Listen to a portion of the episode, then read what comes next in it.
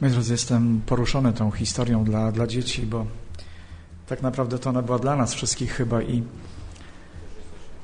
tak, dokładnie. Niezależnie od tego, ile mamy lat, to w końcu wszyscy jesteśmy dziećmi Bożymi i mamy przywilej walczyć o to, żeby nasza wiara, nasze relacje z Chrystusem były każdego dnia coraz mocniejsze. A wiecie, że wiara doskonali się właśnie wtedy, kiedy napotyka na jakieś przeszkody, kiedy coś wybija nas z rytmu i kiedy ta nasza niechciana, ale zdarzająca się chrześcijańska rutyna zaczyna przemagać.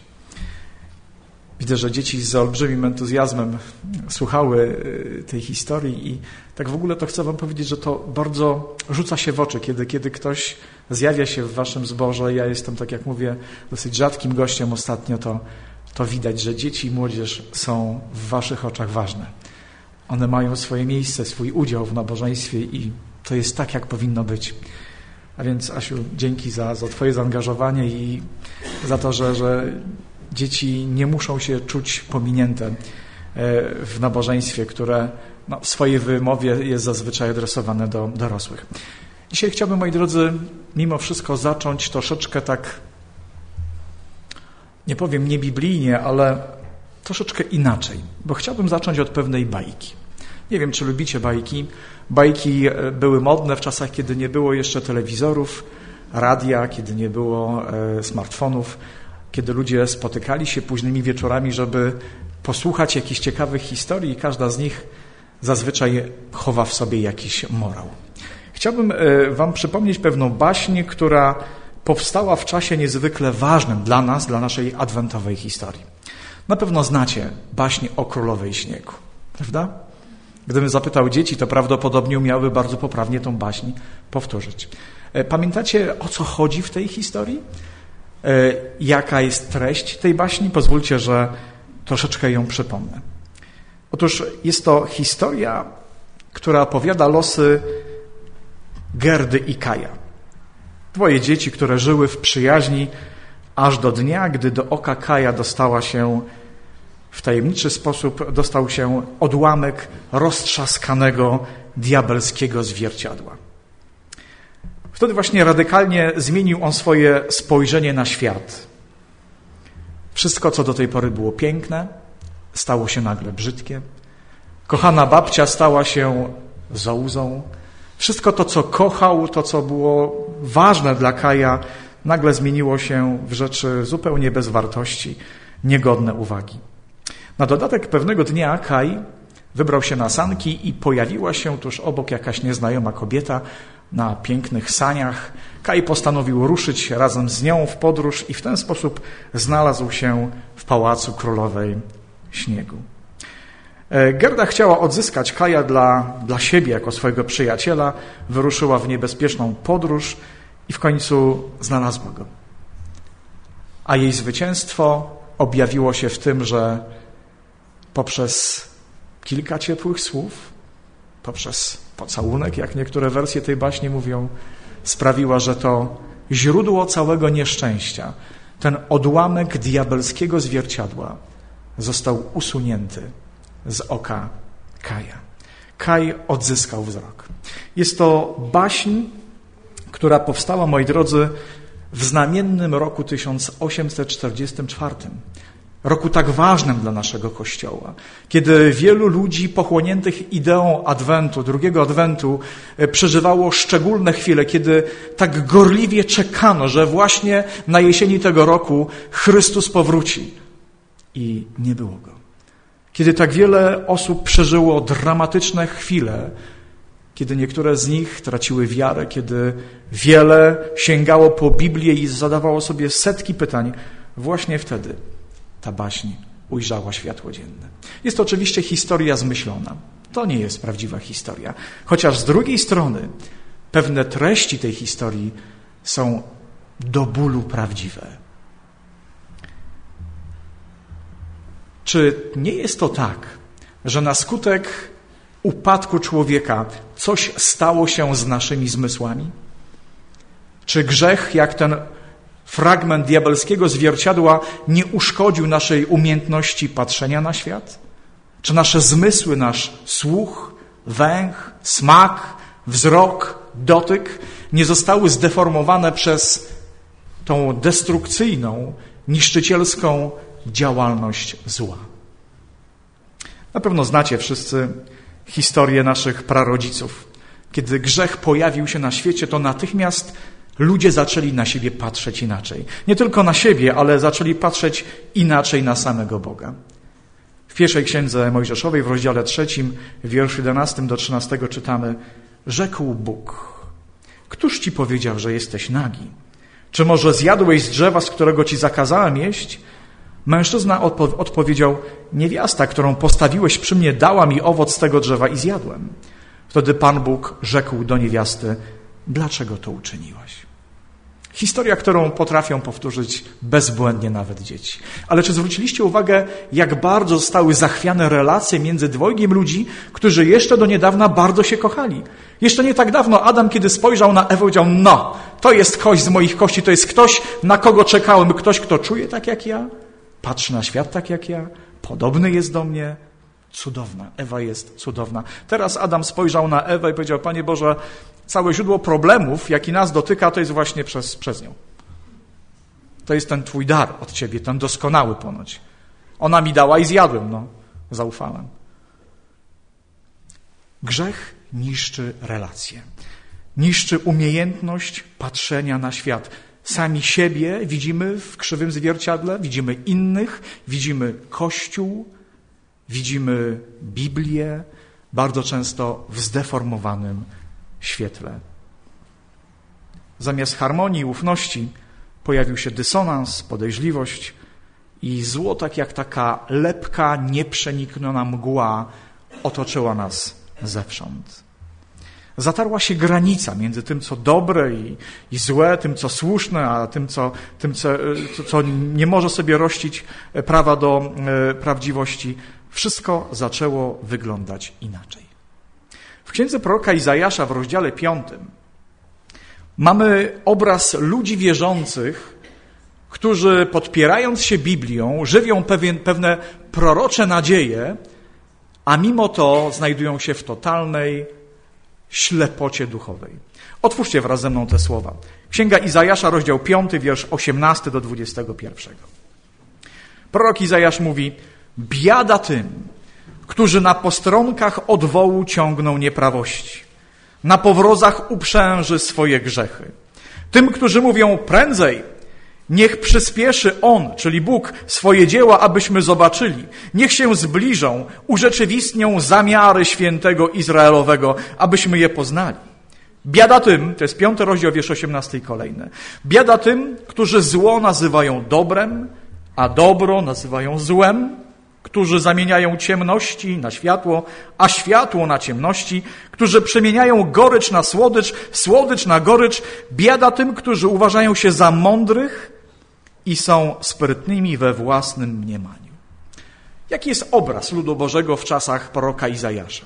Patrzą na swoich współrodaków, na swoich współwyznawców, widzi ich oczekiwanie na dzień Jachwę, na dzień Boga, kiedy Pan Bóg ma zaingerować w historię świata, mówi, modlą się o to, ponaglają Pana Boga. Mówią prędzej, niech Bóg przyspieszy swoje dzieło, byśmy je zobaczyli. Niech się zbliżą, urzeczywistnią zamiary świętego Izraelowego. Jest oczekiwanie, jest gorliwość, jest ta niecierpliwość, ta tęsknota za Bożymi dziełami. I w tym samym czasie co się dzieje z tymi ludźmi? Zupełnie zatracili się w pojmowaniu dobra i zła. Wszystko jest na opak. Ciemność jest światłością, światłość jest ciemnością, wszystko jest odwrotnie. A przy tym wszystkim ponaglanie Boga. Moi drodzy, Pan Bóg chce, żebyśmy nasze relacje z Nim, żebyśmy nasz obraz świata, nas samych, ludzi, Kościoła, wszystkiego tego, co nas otacza, abyśmy budowali ten obraz w oparciu o rzetelne, prawdziwe Słowo Boga. Abyśmy kiedy mamy do wyboru bazowanie na swoich odczuciach, swoich doświadczeniach, swojej mądrości, abyśmy jednak zawsze wybierali Pismo Święte, abyśmy budowali ten obraz na Bożych, a nie naszych słowach i pojęciach. Lud Boży został powołany do tego, aby widzieć wyraźnie granice w świecie, gdzie te granice zwyczajnie znikają. kiedy, gdzie już nie ma granicy między czernią a bielą, gdzie wszystko staje się względne, wszystko staje się takie bez wyrazu, bez kształtu, bez zarysów. Nie wolno nam mylić pojęć, nie wolno nam ulec temu powszechnemu zjawisku, tej tendencji do zacierania się, do zlewania się różnych pojęć i wartości. A szczególnie wtedy, gdy widzimy, jak poważna jest sytuacja. Dzisiaj wielu z nas, kiedy otwiera Biblię, to e, zresztą nie tylko Biblię, wystarczy, że obejrzymy jakiś program informacyjny. To nie wiem jak wy, ale ja sobie zadaję to pytanie, które brzmi: Boże, jak długo jeszcze? Kiedy widzimy tą niestabilność, to jak świat potrafi się zmienić w ciągu kilku miesięcy na skutek decyzji jakiegoś polityka. Kiedy wszystko to, co było jeszcze do niedawna takie stabilne, takie pewne, kiedy patrzyliśmy z jakąś nadzieją, kiedy widzieliśmy, że właściwie nie grożą nam już żadne konflikty, nagle na skutek jednej decyzji wszystko zaczyna się komplikować. Wszystko się sypie. Jak niestabilny, jak niepewny jest nasz świat. W takim świecie widzieć wyraźnie kształty widzieć wyraźnie granice, widzieć ten szlak, który mamy, którym mamy podążać, e, który mamy, którego mamy strzec. Uświadomienie sobie granicy między dobrem a złem. W czasach Mojżesza, kiedy Pan Bóg powołał kapłaństwo i potem, kiedy przez proroków precyzował, jakim to kapłaństwo miało być, znalazły się tam zasady, które dotyczyły postępowania tych, którzy mieli być przywódcami narodu. Gdybyście otworzyli księgę proroka Ezechiela, jest to prorok niewoli babilońskiej, księgę proroka Ezechiela, rozdział 44, tam wiersz 21 do 24, to czytamy tam pewne myśli, ja tylko niektóre z nich przywołam. Księga Ezechiela, rozdział 44 i tam wiersz 21 do 24. Boży prorok napisał: Żaden kapłan nie ma pić wina, gdy udaje się do wewnętrznego dziedzińca. Mają oni, czyli kapłani, pouczać lud o różnicy między tym, co święte, a tym, co nieświęte, o różnicy pomiędzy tym, co nieczyste, a tym, co czyste. W wypadkach spornych mają zasiadać, zasiadać w sądzie i mają rozstrzygać według moich ustaw, moich zasad. Co należało do roli kapłana? Widzieć granice. W świecie, który był mgłą, widzieć wyraźnie drogi, czym jest dobro, czym jest zło, umieć rozgraniczyć, umieć nazwać, zdefiniować. To były wymagania stawiane kapłanom. A więc człowiek, który szedł do świątyni Bożej, miał prawo spodziewać się, że usługujący tam kapłani będą znali granice między dobrem a złem. Miał prawo spodziewać się, że ktoś pomoże mu rozwiązywać jego dylematy e, życiowe. A jak jest dzisiaj, moi drodzy? Dzisiaj możemy powiedzieć, świątynia to już jest pewien e, relikt przeszłości. Wiadomo, że kiedy Chrystus umarł, to ta zasłona, potężna zasłona, nie wiem czy wiecie, że ta zasłona, która rozerwała się w chwili śmierci Chrystusa, miała grubość dłoni.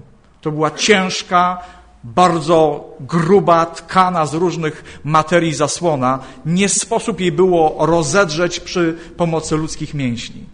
Strzeliła jak jakaś bibułka została rozdarta z góry na dół. Wtedy ta świątynia przestała mieć dla ludzi wierzących jakieś znaczenie. Chrystus stał się kapłanem i zaczęła funkcjonować inna świątynia, ta prawdziwa, ta Boża, niebiańska. Ale właśnie kto dzisiaj ma pouczać nas o tym, czym jest prawda, a czym jest fałsz? Kto dzisiaj ma dostrzegać tą granicę między dobrem a złem, między tym, co Boże, a tym, co od Boga na pewno pochodzić nie może? Nie wiem, czy się ze mną zgodzicie. Oczywiście dzisiaj nadal jest to obowiązek, powinność, powołanie liderów Kościoła, ale wydaje mi się, że jest to także w jakimś sensie obowiązek każdego z nas. Zgodzicie się ze mną? To do nas należy umiejętność rozpoznawania, nazywania, chodzenia tymi wyraźnymi Bożymi ścieżkami. Chcę Wam opowiedzieć historię, która mnie osobiście e, przeraziła, wstrząsnęła mną do głębi. Historię tę opowiedziałem już na spotkaniu nauczycieli przed nabożeństwem, ale myślę, że wy też ją powinniście poznać. Jakiś czas temu, kiedy jeszcze byłem pastorem zboru warszawskiego, centralnego zboru, e, dowiedziałem się, że będą gościli w naszym kraju nasi adwentowi misjonarze. Bardzo się ucieszyłem, no bo e, ktoś taki na nabożeństwie może to nabożeństwo bardzo ubogacić.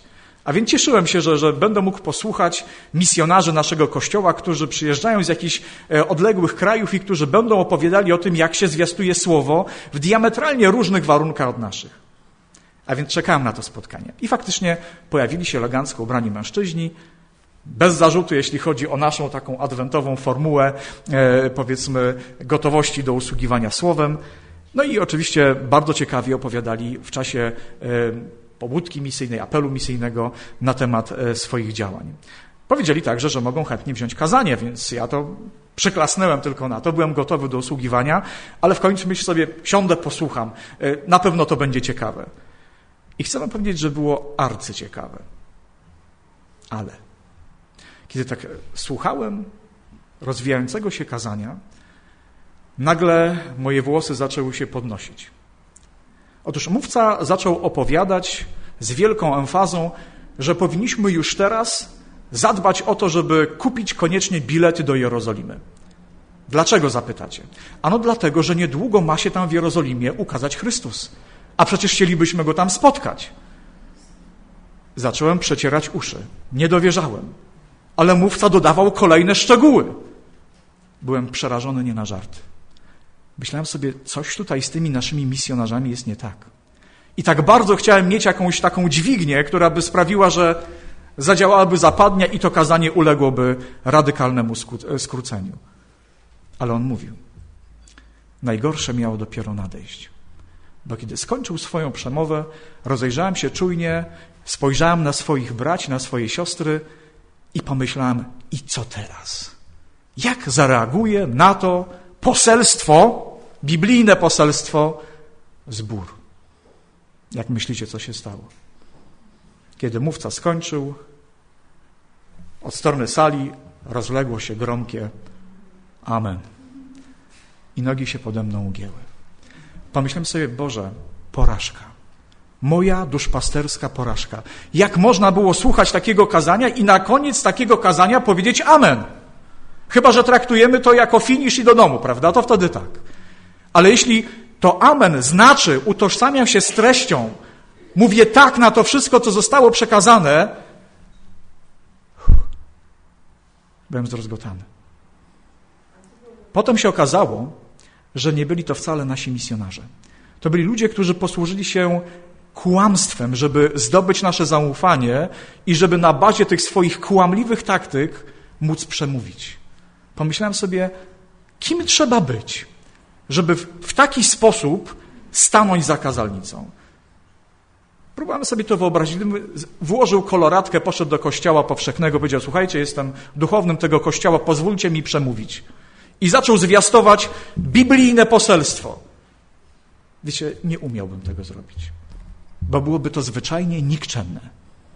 Byłoby to niegodne tak cudownego poselstwa, jakie mamy w Biblii. Posługiwać się kłamstwem, żeby zwiastować prawdę? Kim trzeba być, żeby taką taktykę móc obrać?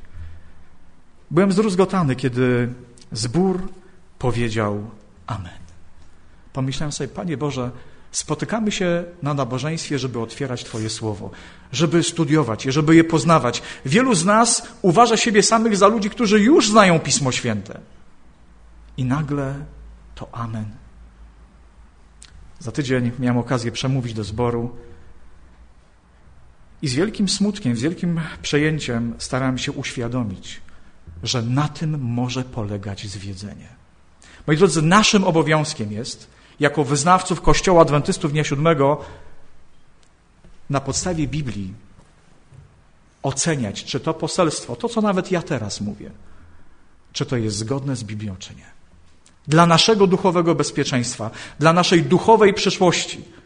Nie możemy traktować tego, co się dzieje wokół nas, w Kościele w szczególności, jako rzeczy, które nas nie dotyczą. Mamy to oceniać na podstawie Słowa Pan Jezus powiedział w Ewangelii Mateusza w 12 rozdziale, wierszu 35 do 37. Dobry człowiek z dobrego skarbca wydobywa dobre rzeczy. Zły człowiek ze złego skarbca wydobywa rzeczy złe. Powiadam wam, z każdego bezużytecznego słowa, które wypowiadają ludzie, zdadzą sprawę w dzień sądu, bo na podstawie słów swoich będziesz uniewinniony i na podstawie słów twoich będziesz potępiony.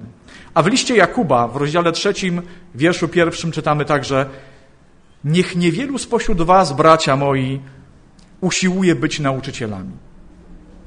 Wiecie przecież, czytam według przykładu Biblii Warszawsko-Prawskiej, wiecie przecież, że my nauczający będziemy sądzeni o wiele surowiej niż inni.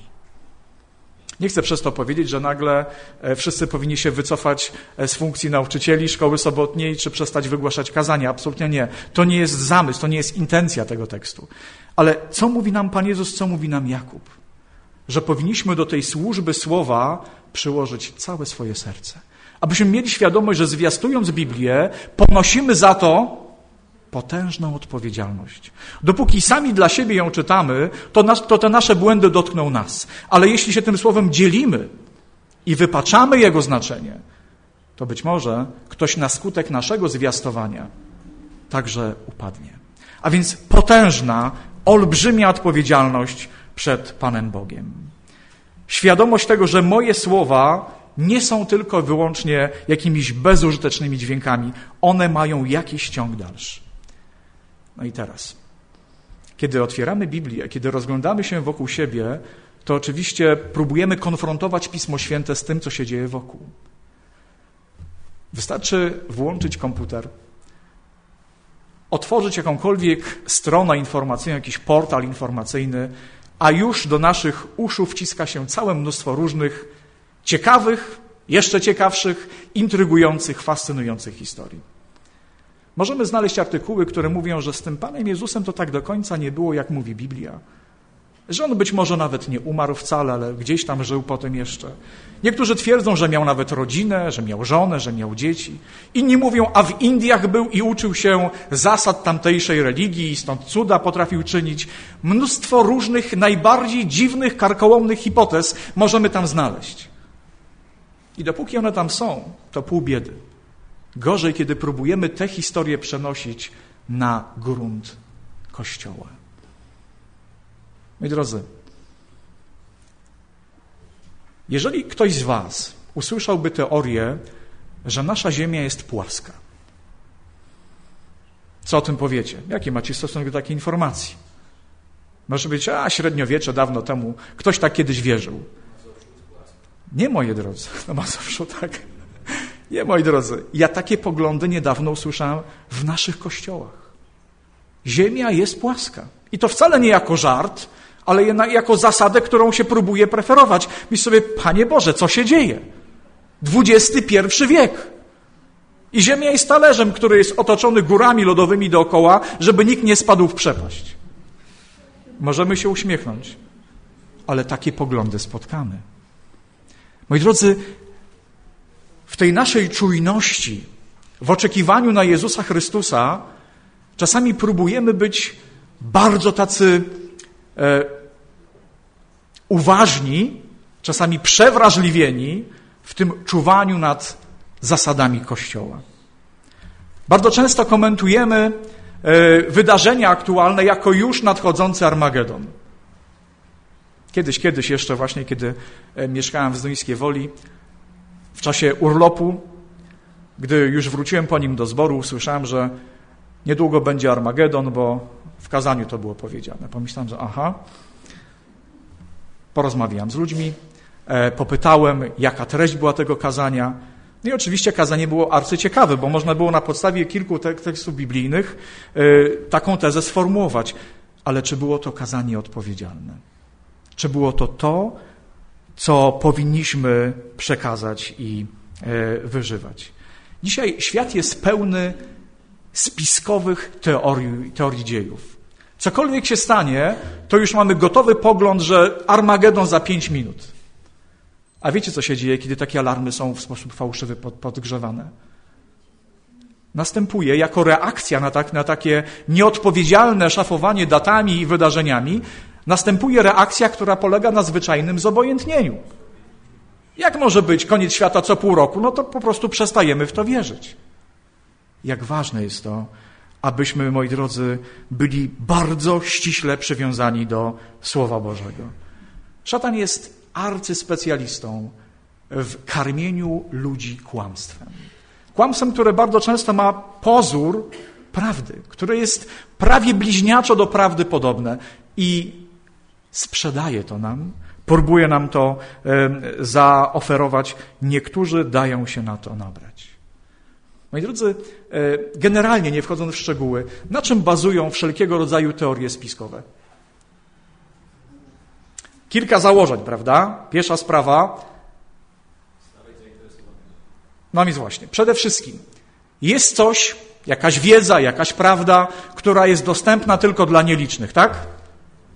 Większość nie wie, ja wiem, bo ja szukam, bo ja sprawdzam, bo ja badam, bo ja jestem czujny. Co jeszcze? Jeżeli tego nie będziesz wiedział, to po tobie. A więc musisz to wiedzieć. Musisz to znać. Co więcej, najczęściej bywa tak, że buduje się taką, tak, taką um, atmosferę zagrożenia, tak, takiego, takiego niebezpieczeństwa i można by powiedzieć tak generalnie zupełnie, że za każdym rogiem kryje się diabeł. W końcu możemy tak się przerazić, że nie wyjdziemy z domu, no bo cokolwiek zobaczymy, czegokolwiek dotkniemy, to to już jest podszyte jakimś totalnym niebezpieczeństwem, jakimś demonizmem. Być może się uśmiechniemy, ale moi drodzy, taka fobia w niektórych kręgach pojawia się. Nasze patrzenie na proroctwa także. Czy zwróciliście uwagę, moi drodzy, że kiedy Chrystus mówił o proroctwach, kiedy je przekazywał, to rozkładał troszeczkę inaczej akcenty niż jego uczniowie? Kiedy Chrystus wygłosił mowę na temat wydarzeń, które będą zwiastowały zbliżający się koniec świątyni Jerozolimy, a także końca świata, jakie pytanie zadali uczniowie? Powiedz nam kiedy. Czyli oni patrzyli na zegarek, chcieli wiedzieć kiedy. Niedługo, czy jeszcze kawałek czasu. A o czym chciał powiedzieć im Chrystus? Jacy powinniście być. Podobnie Piotr, kiedy mówi, kiedy to wszystko ma ulec zagładzie, to jakimi powinniście być, być wy, którzy oczekujecie, tak? Powiedział, nie patrzcie na zegar, ale patrzcie na siebie, na, na Chrystusa, na to, co się dzieje wokół was. Czy jesteśmy gotowi, czy jesteśmy w takich relacjach, które zagwarantują nam bezpieczeństwo?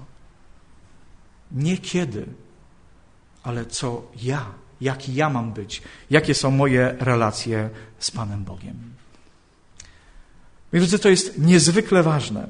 Dlatego, że w tym naszym przywiązaniu do prawdy, często mówimy o prawdzie na nasz czas, mówimy o tym, żeby tę Biblię odczytywać na nowo dla każdego pokolenia, bo nasz adwentyzm, moi drodzy, 10 lat temu był troszeczkę inny. Dzisiaj Kościół, my sami stykamy się z zupełnie innymi wyzwaniami niż 10-20 lat temu.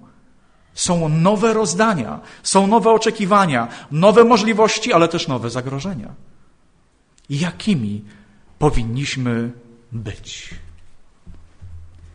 Moi drodzy, Chrystus powiedział kiedyś, że światłem naszego, naszej duszy jest oko. To jest umiejętność patrzenia na świat. To jest umiejętność takiego ostrego widzenia rzeczywistości. Pamiętacie jeszcze tekst przewodnika Zania? W liście do Tytusa apostoł Paweł powiedział tak. Dla czystych wszystko jest czyste. Dla skalanych zaś niewiernych nie ma nic czystego. My możemy to sparafrazować w takim powiedzeniem, które, którym się często posługujemy, że każdy osądza według siebie, prawda? A więc jeśli w moim sercu panuje pokój, dobroć, czystość, jak wygląda świat, który jest wokół mnie? Jak patrzę na ludzi? Jest różnica? Niż w sytuacji, kiedy czuję sam jakiś niepokój, jakieś wyrzuty sumienia i wtedy bardzo często przypisuję złe intencje ludziom, którzy żyją wokół mnie. Być może znacie historię taką chińską, historię o złodzieju siekiery. Znacie ją? Pewnemu człowiekowi zginęła siekiera. A więc zaczął się rozglądać. Spojrzał na sąsiada i wiecie co? Ten sąsiad wyglądał jak złodziej siekiery. Co więcej, mówił jak złodziej siekiery. Zachowywał się jak złodziej siekiery.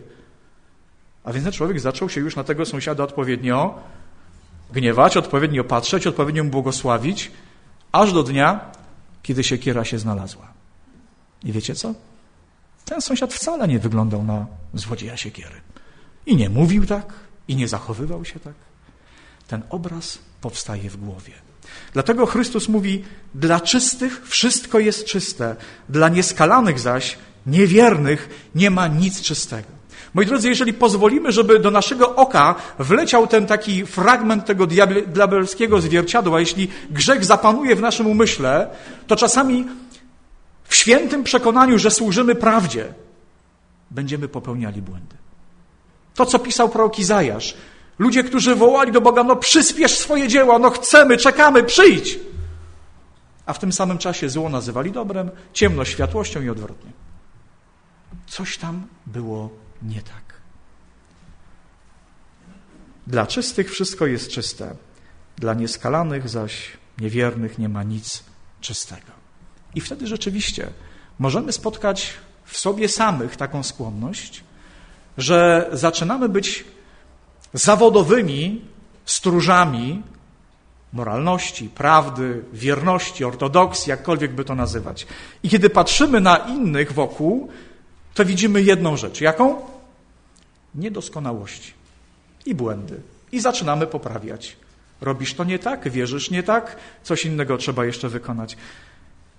A Pan Jezus przez usta apostoła Pawła w pierwszym liście do Koryntian 13 rozdziale wierszu 7 powiedział tak. Miłość wszystko znosi. Wszystkiemu wierzy, we wszystkim pokłada nadzieję i wszystko przetrzyma. Chciałbym was zapytać, moi drodzy, czy miłość jest naiwna? Czy Chrystus, kiedy patrzył na świat takimi właśnie oczami, kiedy widział w ludziach dobro, szanse, nadzieję, możliwości, a nie zepsucie, grzech, zło, dostrzegał to. Ale to nie dominowało w jego obrazie człowieka. Dlaczego Chrystus potrafił zauważać rzeczy, których nie widzieli inni? Dlaczego postawił jako wzór kobietę z Serofanicji i powiedział, takiej wiary nawet w Izraelu nie znalazłem? Czym się ona mogła pochwalić? Jakie miała zasługi? Kim była w porównaniu ze świętymi mężami tamtego okresu? Ale Chrystus to właśnie na nią wskazał powiedział, naprawdę, to jest godne pochwały. Takiej wiary nie znalazłem w Izraelu.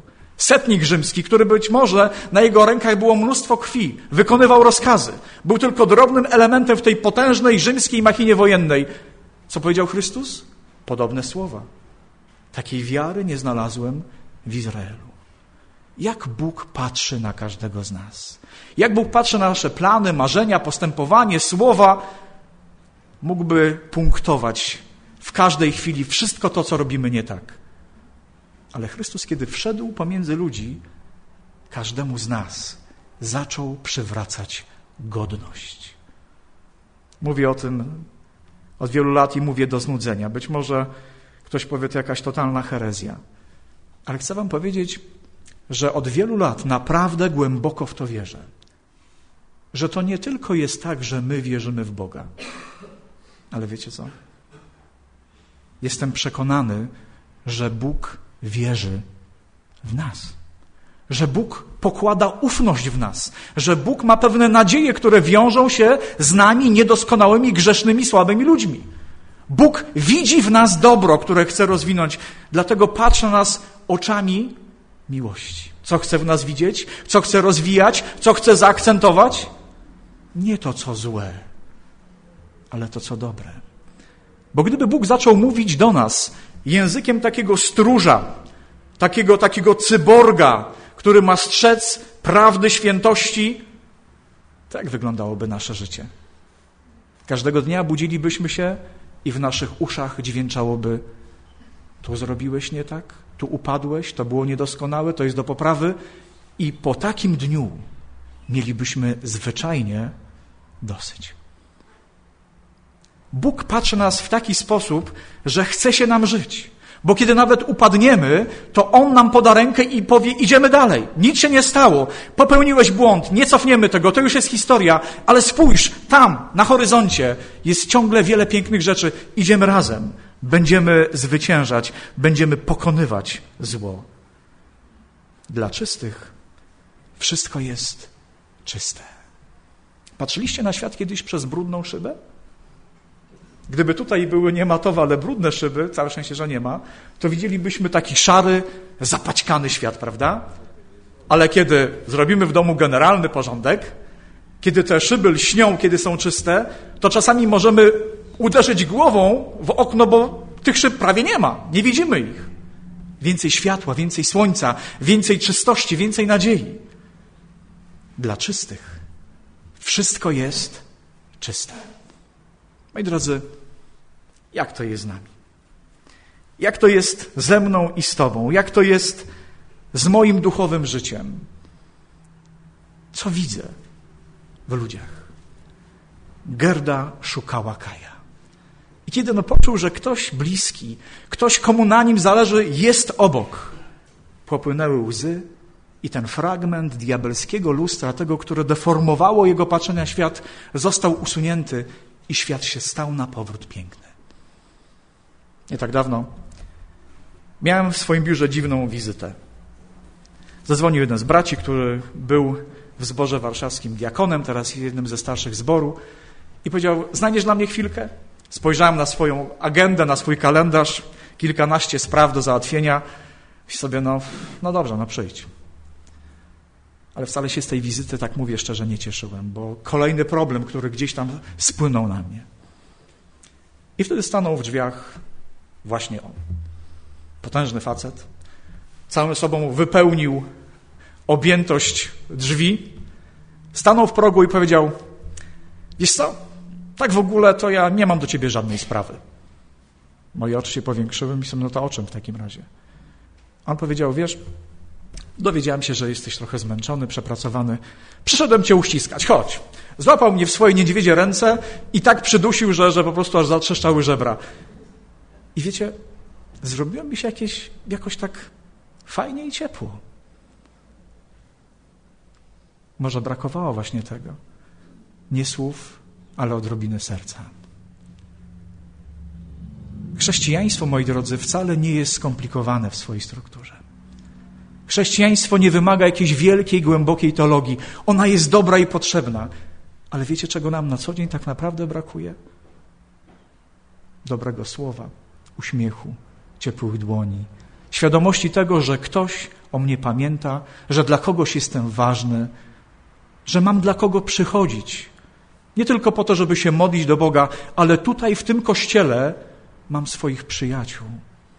Że słowo siostra i brat coś oznacza, że to nie jest pusty dźwięk. Moi drodzy, proszę Boga o to, żeby Pan Bóg oczyścił moje oczy. Jeżeli patrzę na kogoś nie tak, jeżeli widzę coś w jakimś deformowanym świetle, Panie Boże, wytrzyj to wszystko i spraw, żebym mógł spraw- patrzeć na świat wokół siebie, na Kościół, na moich braci, na moje siostry, tak jak Ty patrzysz. Bo dla, dla czystych wszystko jest czyste. A jeśli coś tutaj mam na oczach, to wtedy cały mój świat będzie szary, nieciekawy, podejrzany i nieczysty.